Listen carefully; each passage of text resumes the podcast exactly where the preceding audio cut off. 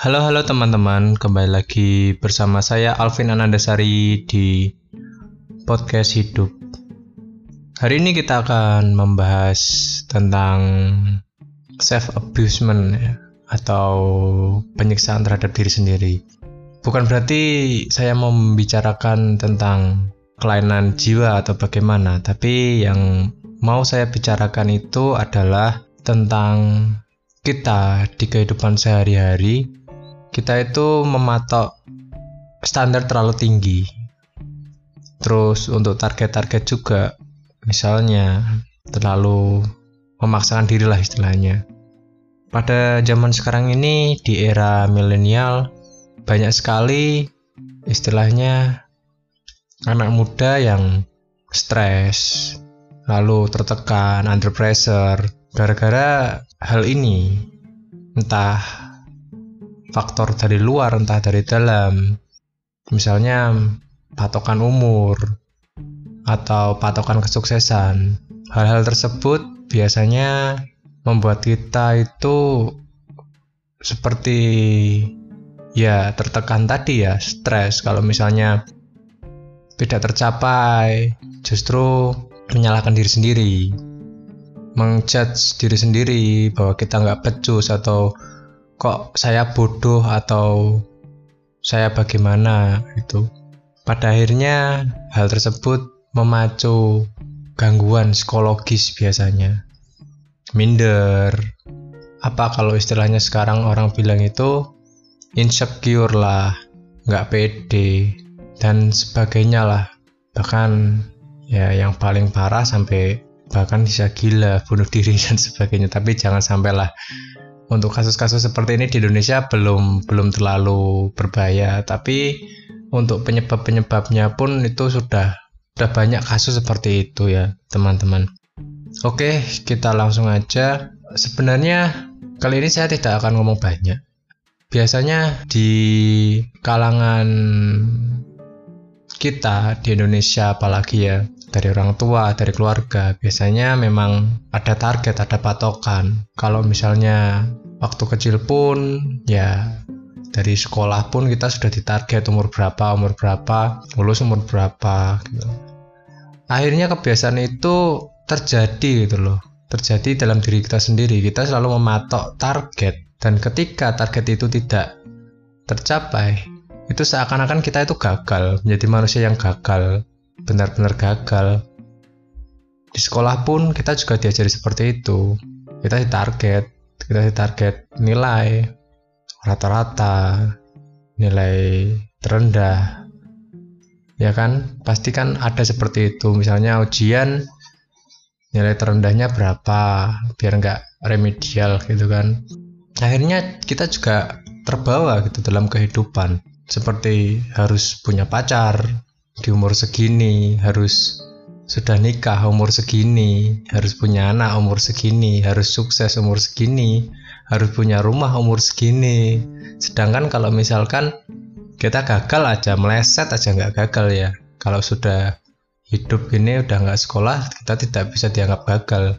Misalnya meleset aja kita pasti udah depresi. Bahkan yang belum gagal pun misalnya sudah uh, intinya kayak misal umur umur 25 nikah. Biasanya teman-teman saya umur 25 nikah. Biasanya orang-orang kalau umur 25 sudah nikah. Terus kita umur 25 belum punya pacar belum punya pasangan bahkan ada yang ditinggalin pacarnya nikah sama orang lain gitu. Karena kita pun biasanya minder kan kalau misalnya belum siap rumah belum siap mental seperti itu kan. Akhirnya pun stres itu. Menyalahkan diri sendiri, lalu membodoh-bodohkan diri sendiri, malu atau bagaimana. Itu karena ya terbiasa tadi, karena kita sudah terbiasa dengan target. Target itu perlu.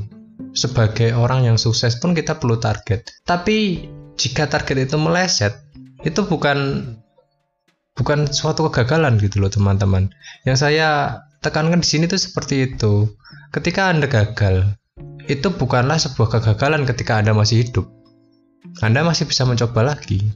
Loh, saya sudah terlalu tua mas, saya harus saya sudah terlalu gini. Tidak ada kata tua.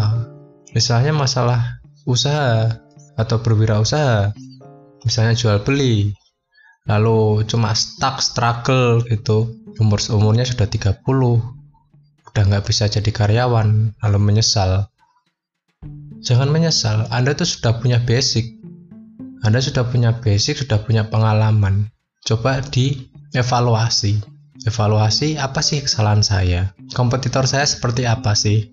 Mereka kok bisa lebih sukses dari saya tuh bagaimana? Buat inovasi anda belum gagal. Buat itu normal. Jangan buat umur itu patokan. Jangan buat umur itu wah 25 harus nikah 30 harus sukses 30 harus punya rumah harus punya tanah harus punya mobil harus punya aduh. Ya kalau anda anak orang kaya ya mungkin beda ya. Mungkin kalau bagi saya anaknya orang biasa-biasa saja yang berusaha sendiri pun itu sebenarnya susah. Cuma itu tadi. Bukan bukan saya membuat diri anda males berusaha atau bagaimana tapi jangan siksa diri anda dengan hal seperti itu.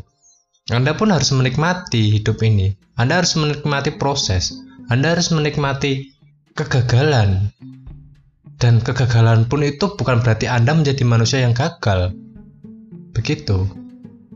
Jangan siksa diri Anda sendiri hanya karena target. Self abusement, menyiksa diri sendiri. Saya pun pernah seperti itu.